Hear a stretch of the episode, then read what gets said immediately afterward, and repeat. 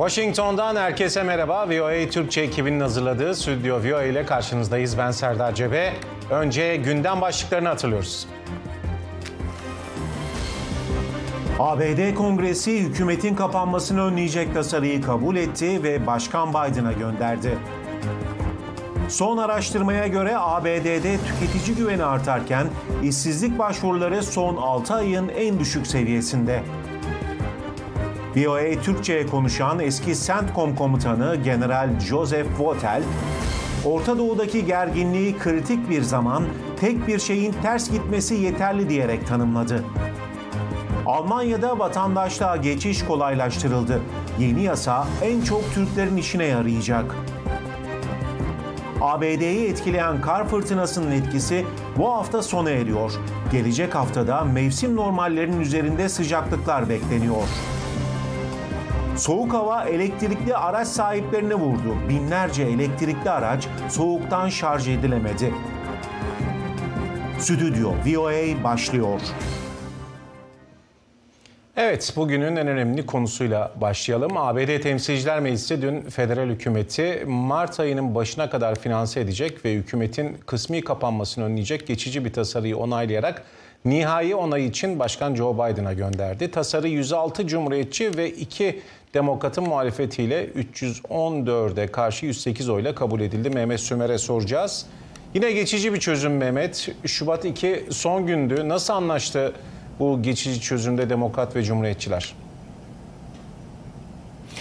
Önce kısaca şunu söyleyelim. Hükümetin kapanması ne anlama geliyor? Hükümetin kapanması devletin kamu kaynaklarının, kamu kurumlarının çalışması için gerekli bütçeyi ayıramaması, gerekli bütçeyi sağlayamaması halinde devlet kurumlarının, kamu kurumlarının tüm Amerika genelinde faaliyetlerine son vermesi anlamına geliyor. Buna sadece hani itfaiye gibi, polis gibi, sağlık hizmetleri, acil sağlık hizmetleri gibi e, acil durum hizmetleri e, dışında tutuluyor bunun. Onun dışındaki tüm kamu kurumları e, kapanıyor. Çünkü bütçe olmuyor, çalışanlar maaş alamıyorlar e, ve ofislerin çalışması için gerekli bütçe sağlanamıyor. Yani Amerika'da bir bakıma e, hayatın ekon e, şey anlamında hani devlet çarklarının işlemesi anlamında durması anlamına geliyor. İşte bunun önlenebilmesi için de böyle geçici çözümlerle ek bütçeler çıkartılıyor. Hükümet kapanacak mı, kapanmayacak mı tartışmalarının arasında önce Temsilciler Meclisi'nden ardından Senato'dan da geçti.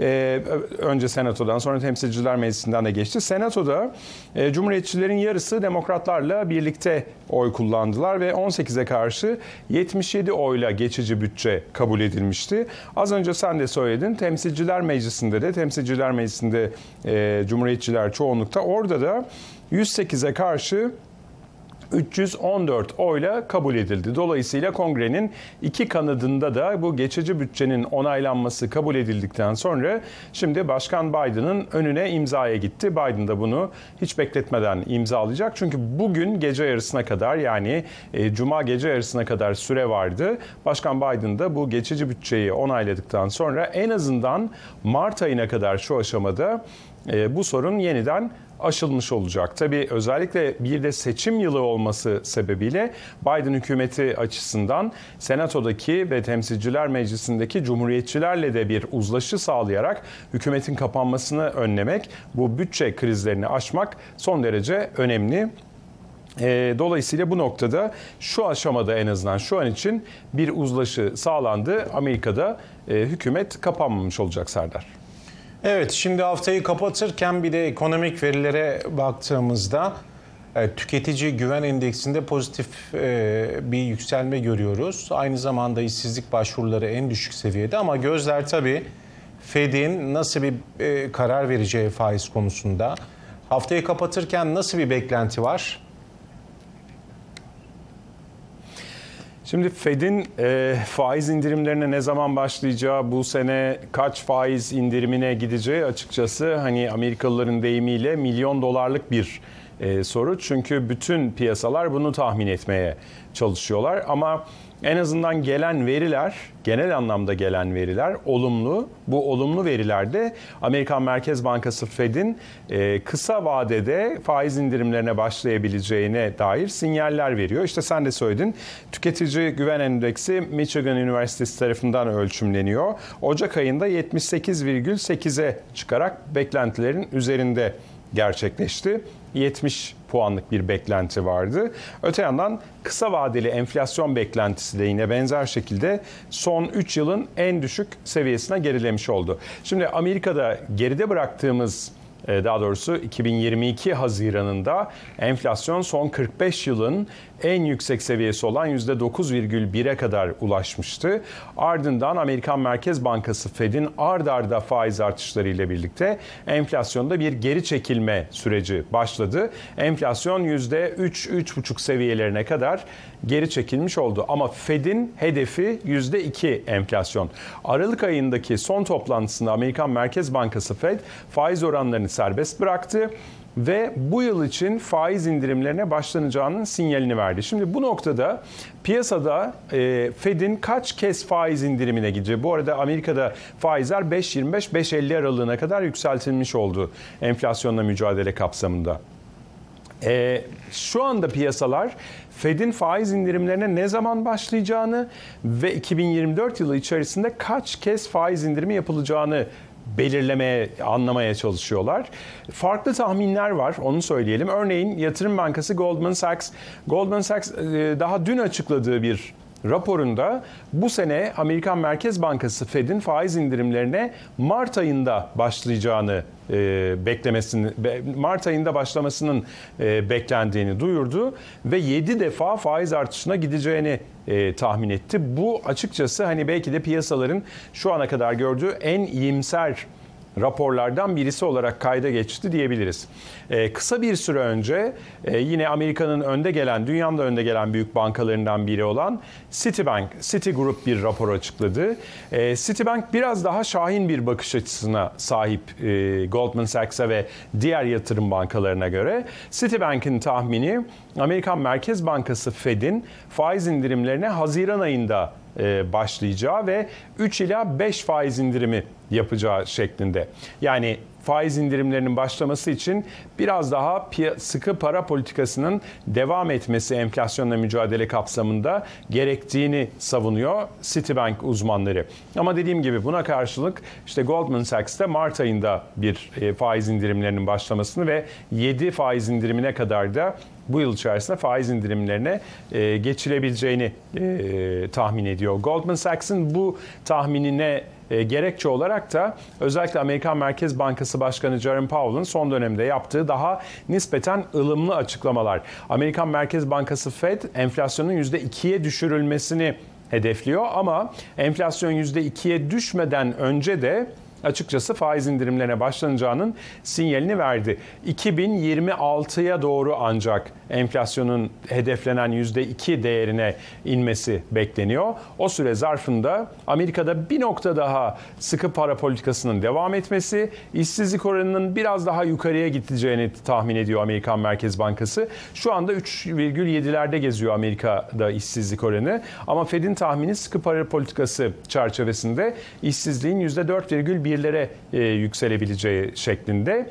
Ama yine de en azından şu anda bütün piyasa uzmanları, bütün e, piyasa aktörleri Amerika'nın Covid-19 sonrası yaşanan o küresel ekonomik kriz ve dalgalanma neticesinde yumuşak iniş olarak adlandırılan o geçiş sürecini tamamlayabileceği, geçişi yumuşak olarak yapabileceği şeklinde hemfikirler diyebiliriz. Çünkü Fed'in faiz indirimleri yani 5,25-5,50 aralığına kadar faiz oranlarını yükseltmesi, hızlı karar alması enflasyonda %9'lardan %3'lere kadar bir gerilemeyi sağladı. Zaten hem piyasa uzmanları hem de Fed Başkanı Jerome Powell daha önce yaptığı açıklamalarda da yani %9'dan %3'e düşüş süratli oldu ama %3'ten %2'ye gidiş ağır olacak, daha zorlu olacak ifadesini kullanmıştı. Dolayısıyla dediğim gibi zaten Aralık ayının sonunda yapılan son toplantıda da Fed faizin yüzde enflasyonun yüzde ikiye gerilemesini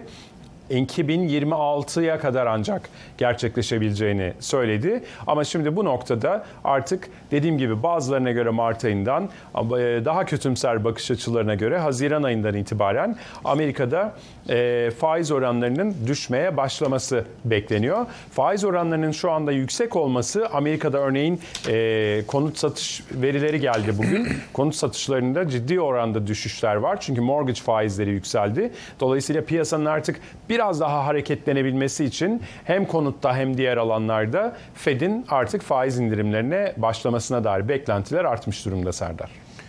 Evet e, haftayı kapatıyoruz. Son ekonomik verileri Mehmet Sümer aktar. Mehmet nasıl kapatıyor New York haftayı? Soğuk hava var mı? Kar ne durumda? Soğuk soğuk hava var. Arkamda sisli görünüyor zaten. O sis değil kar yağışı. Ee, soğuk burayı da e, vurdu. Tabii asıl daha kuzeyde Chicago'da e, haberlerde de e, bizim haberlerimizde de var işte elektrikli aracı olanlar e, sorun yaşamaya başlamışlar. E, burada da kar yağışı var ama önümüzdeki hafta bir anda yani biz dün eksi 12'lerde geziyordu e, hava sıcaklığı hissedilen hava sıcaklığı.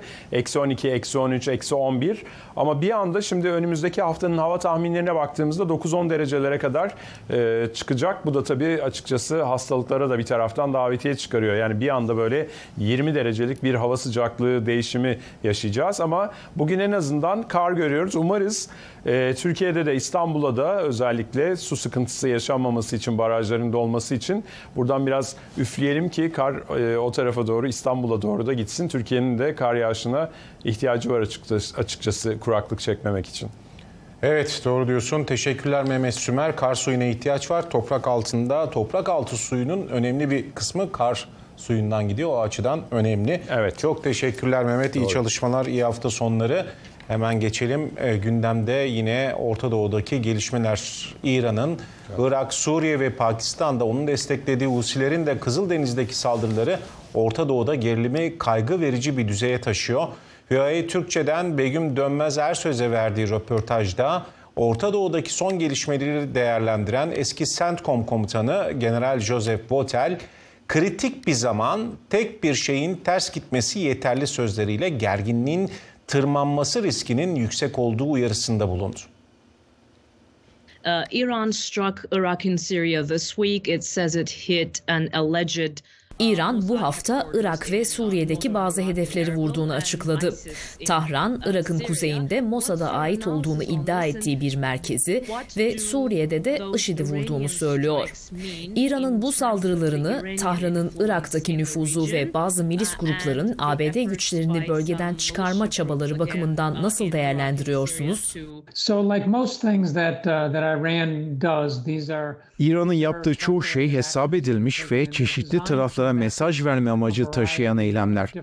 Örneğin İdlib'deki saldırılar İsraillere füze kabiliyetlerinde geniş bir menzile sahip olduklarını göstermek için tasarlanmış. İran bu mesajı vermeye çalışıyor. Bu saldırıların bazıları İran'da iç kamuoyuna özellikle de hükümetin daha muhafazakar sağa kayan unsurlarına da bir mesaj. Aynı zamanda direniş ekseninin diğer üyelerine Husiler, Hamas, Şii milis gruplar ve Hizbullah'a da yalnızca onlara bel bağlamadığını, doğrudan harekete geçtiğini göstermeye çalışıyor. Iran also struck uh, Pakistan and Pakistan. İran, Pakistan'da da bazı hedefleri vurduğunu açıkladı bu hafta. Pakistan'da karşılık verdi. İki komşu arasında gerilim yükseldi. İran neden Pakistan'daki hedefleri vurdu? Belucistan'da varlık gösteren militan gruplar ve iki ülkenin iç siyasetini de gözeterek baktığınızda sizin değerlendirmeniz nedir? I think uh, think very much what we've just been talking about here. Again, I think uh, Sanırım İran'ın Belucistan'da bulunan Ceyşül Adil adlı grupla ilgili endişeleri var ve bu grubu İran devrim muhafızları liderliğine yönelik saldırılar dahil bazı saldırılardan sorumlu tutuyor. Pakistan'da buna karşılık verdi. Şu anda misliyle mukabele gibi görünüyor. Önümüzdeki 24 48 saati gözlemlemek önemli. Bunun ötesine geçen bir tırmanma olursa o zaman daha fazla endişeye yol açar. The United States um, has recently designated the Houthis uh, as Husiler Kızıldeniz ve Aden körfezinde taşımacılığı hedef almaya devam ediyor. Amerika'nın Yemen'de Husilere karşı caydırıcı adımları işe yarıyor mu sizce? Bu saldırıları durdurmak için başka ne yapılmalı? Amerika Husileri özel olarak belirlenmiş küresel terör grubu listesine aldı. Husiler sizce neden yabancı terör örgütü listesine alınmadı? Uh. Ben hükümetimizin içindeki istişare ve tartışmalarda yer almıyorum ama şunu biliyorum ki bu doğru yönde atılmış bir adım. Son bir hafta içinde sanıyorum dört kez karşılık verildi. İnsanların bunun bir süreç olduğunu anlaması önemli. Bunu yaparken diplomatik, ekonomik ve enformasyonel yaptırımlar gibi diğer ulusal ve uluslararası araçların kullanılması da önem taşıyor.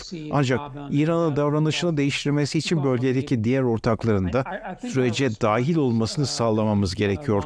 O nedenle İran rejiminin hesap vermesini sağlamak amacıyla Husilere karşı tüm bu araçların kullanılması önemli. Seyir sefer özgürlüğü ve bu bölgede ticaretin serbest akışı Amerika ve pek çok ülkenin temel bir çıkarı. Bu konuda çözüm aramamak sorumsuzcu olurdu. Orta Doğu'nun bu hayati önem taşıyan bölgesini daha normal bir hale getirmek ve bu saldırıları durdurmak için elimizdeki her aracın kullanılmasını sağlamak gerek. Houthis. Orta Doğu'daki tüm bu gelişmelere bakınca bölge neredeyse patlamak üzere. Siz gerilimin daha da tırmanmasından ve topyekün bir savaşa dönüşmesinden ne kadar endişelisiniz?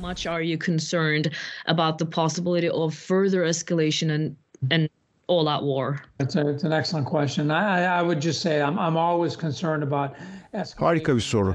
Ben burada daha yüksek bir tırmanma riskiyle karşı karşıya olduğumuz bir döneme girdiğimizi düşünüyorum. İsrail, Lübnan sınırında sıcak temas yaşanıyor. Batı Şeria'da hareketlilikte artış görüyoruz.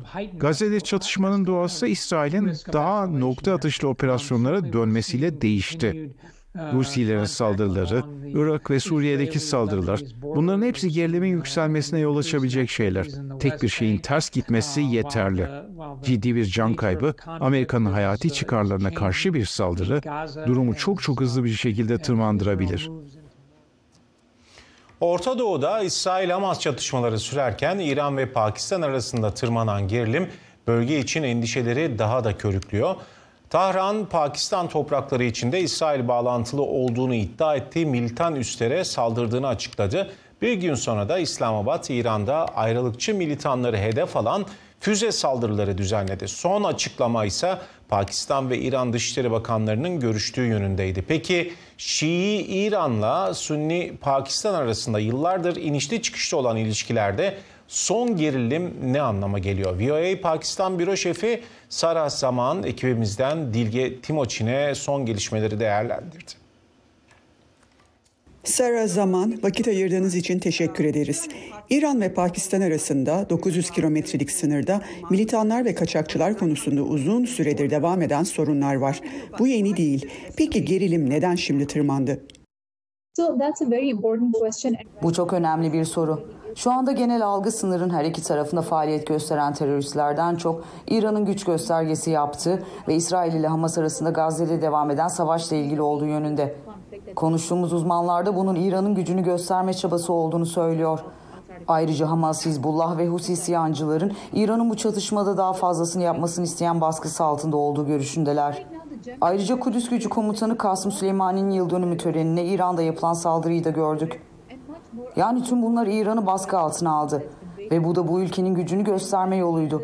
Bazı analistler de bunun İran'ın Washington'a süregelen çatışmayı genişletebileceğini gösterme yolu olduğuna inanıyor.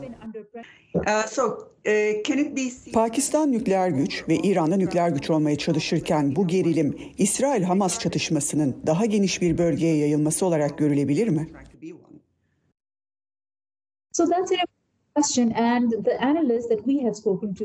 Konuştuğumuz analistler bunun çatışmanın Pakistan'ı içine çekecek kadar genişlememesini umduklarını söylüyor. Ancak yaşananlar kendi başına çok önemli. Çünkü İran-Irak savaşından bu yana ilk kez bir ülke İran'ı vurdu. Saldırıyı İran başlatmış olsa da Pakistan'ın ilk tepkisi önce diplomatik nitelikli açıklamalar yapması ve büyükelçisini geri çağıracağını ve İran büyükelçisinin geri dönmesine izin vermeyeceğini söylemesiydi. Ancak nihayetinde sınırın ötesine herhangi bir jet göndermeden, sınırın diğer tarafına herhangi bir asker göndermeden bir askeri eylem gerçekleştirdi. Yine de İran'ın ilk kez başka bir ülke tarafından vurulması bu açıdan çok büyük bir olay. İran'ın geçmişte olduğu gibi bu haftada Suriye ve Irak'a vurmuş olmasına rağmen ilk kez Pakistan'ın da karşılık vermesi şok dalgaları yarattı. Peki gerilim daha tırmanır mı? So the signs Son 24 saatteki işaretler cesaret verici. Pakistan Ulusal Güvenlik Konseyi bir toplantı yaptı. Pakistan Dışişleri Bakanı İranlı mevkidaşı ile görüştü ve bu görüşmelerden çıkan açıklamalar gerilimin düşürüldüğüne işaret ediyor. Nitekim Pakistan Dışişleri Bakanlığı bu görüşmeyle ilgili açıklama yayınladı ve gerilimin düşürülmesine vurgu yapıldığını, İran Büyükelçisi'nin Pakistan'a geri dönmesi ve Pakistan Büyükelçisi'nin İran'a geri gönderilmesi konusunda da konuşulduğunu söyledi. Dolayısıyla işaretler cesaret vericiydi. Ayrıca açıklamada her iki ülkenin de bu saldırıları temelde egemenliklerinin ihlali olarak nitelendirmelerine rağmen birbirlerine kardeş ülkeler olarak atıfta bulunmaya devam etmeleri dikkat çekti. Bu da gerilimin düşürülmesini bekleyenler için çok önemli bir işaret. İslamabad'dan sorularımızı yanıtladığınız için teşekkürler.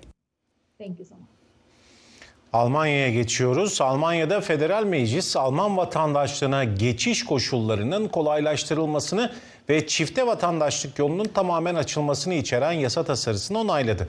Uzun süren müzakerelerin ardından üzerinde uzlaşılan yasanın önümüzdeki aylarda yürürlüğe girmesi bekleniyor. Almanya'daki Türk göçmenleri çok yakından ilgilendiren yasa ile ilgili ayrıntıları Berlin muhabirimiz Cem Dalaman aktarıyor.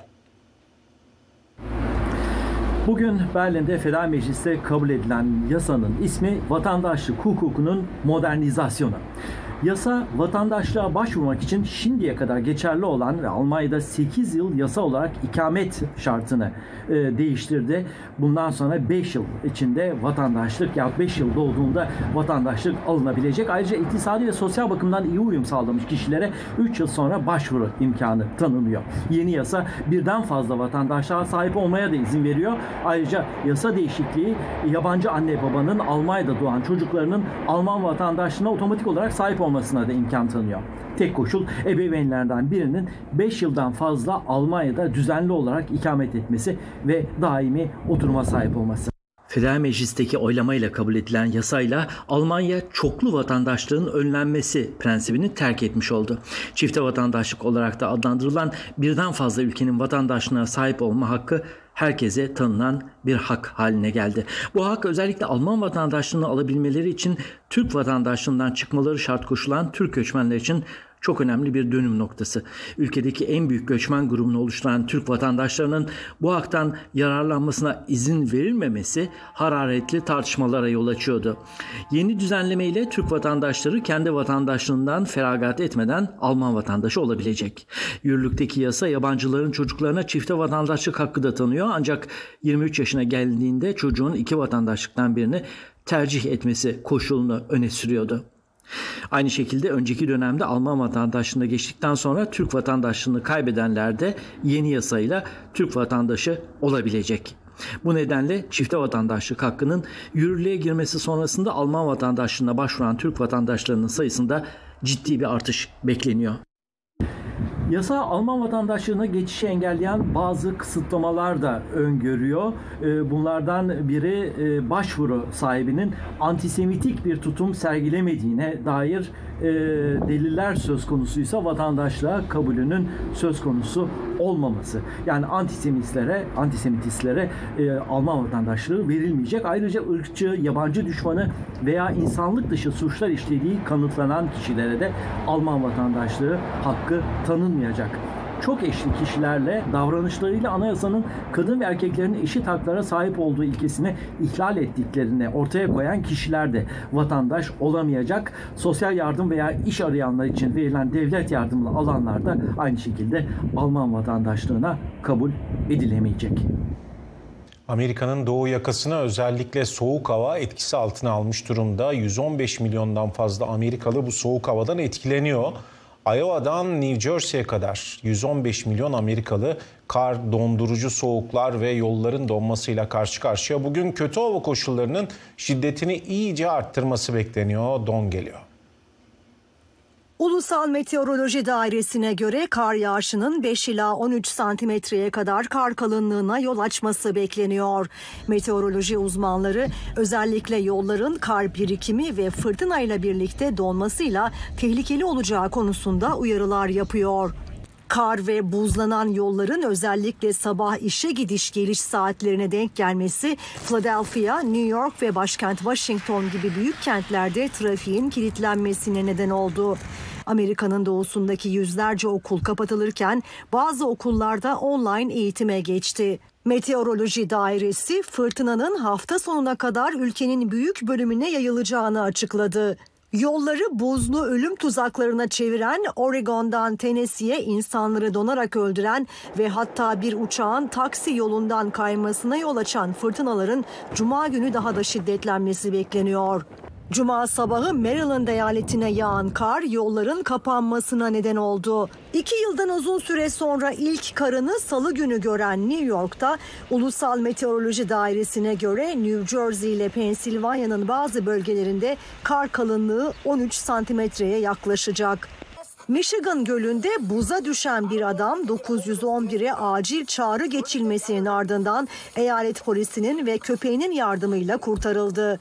Bu arada New Jersey eyaletinin Patterson kentindeki şelalelerin etrafında bulunan ağaçların donması ilginç görüntüler ortaya çıkardı.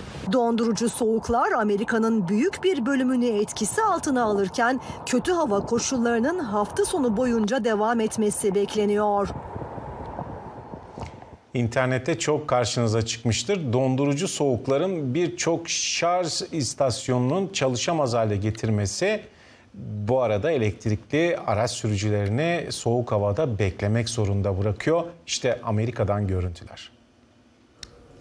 Şarj istasyonlarında park edilmiş halde bırakılan yüzlerce elektrikli araç, çoğu Tesla marka. Chicago'da çok sayıda Tesla sahibi soğuk hava nedeniyle çalışmayan şarj istasyonlarının başında beklemek zorunda kaldı. Bazı Tesla sahipleri acı soğukta saatler süren bekleyişe katlandı, şarj ünitesinin çalışmasını bekledi. Soğuk havalar elektrikli araçların aşırı hava koşullarına karşı dayanıksız olduğunu gösteriyor. Tesla soğuk havaların batarya üzerindeki etkisini en aza indirmek için fişe takılı değilken şarj seviyesinin %20'nin üzerinde tutulmasını öneriyor. Chicago'da hava sıcaklığı eksi 18 santigrat dereceye düşünce Tesla yetkililerinin yaptığı öneri de işe yaramadı. Haftayı kapatıyoruz. voatürkçe.com internet adresimiz. Yarın aynı saatte Amerika'da Yaşam programıyla Mehtap Çolak Yılmaz ve Üzeyir Yanar karşınızda olacak. Pazartesi günü Ekotürk'te görüşmek üzere. İyi hafta sonları, iyi akşamlar.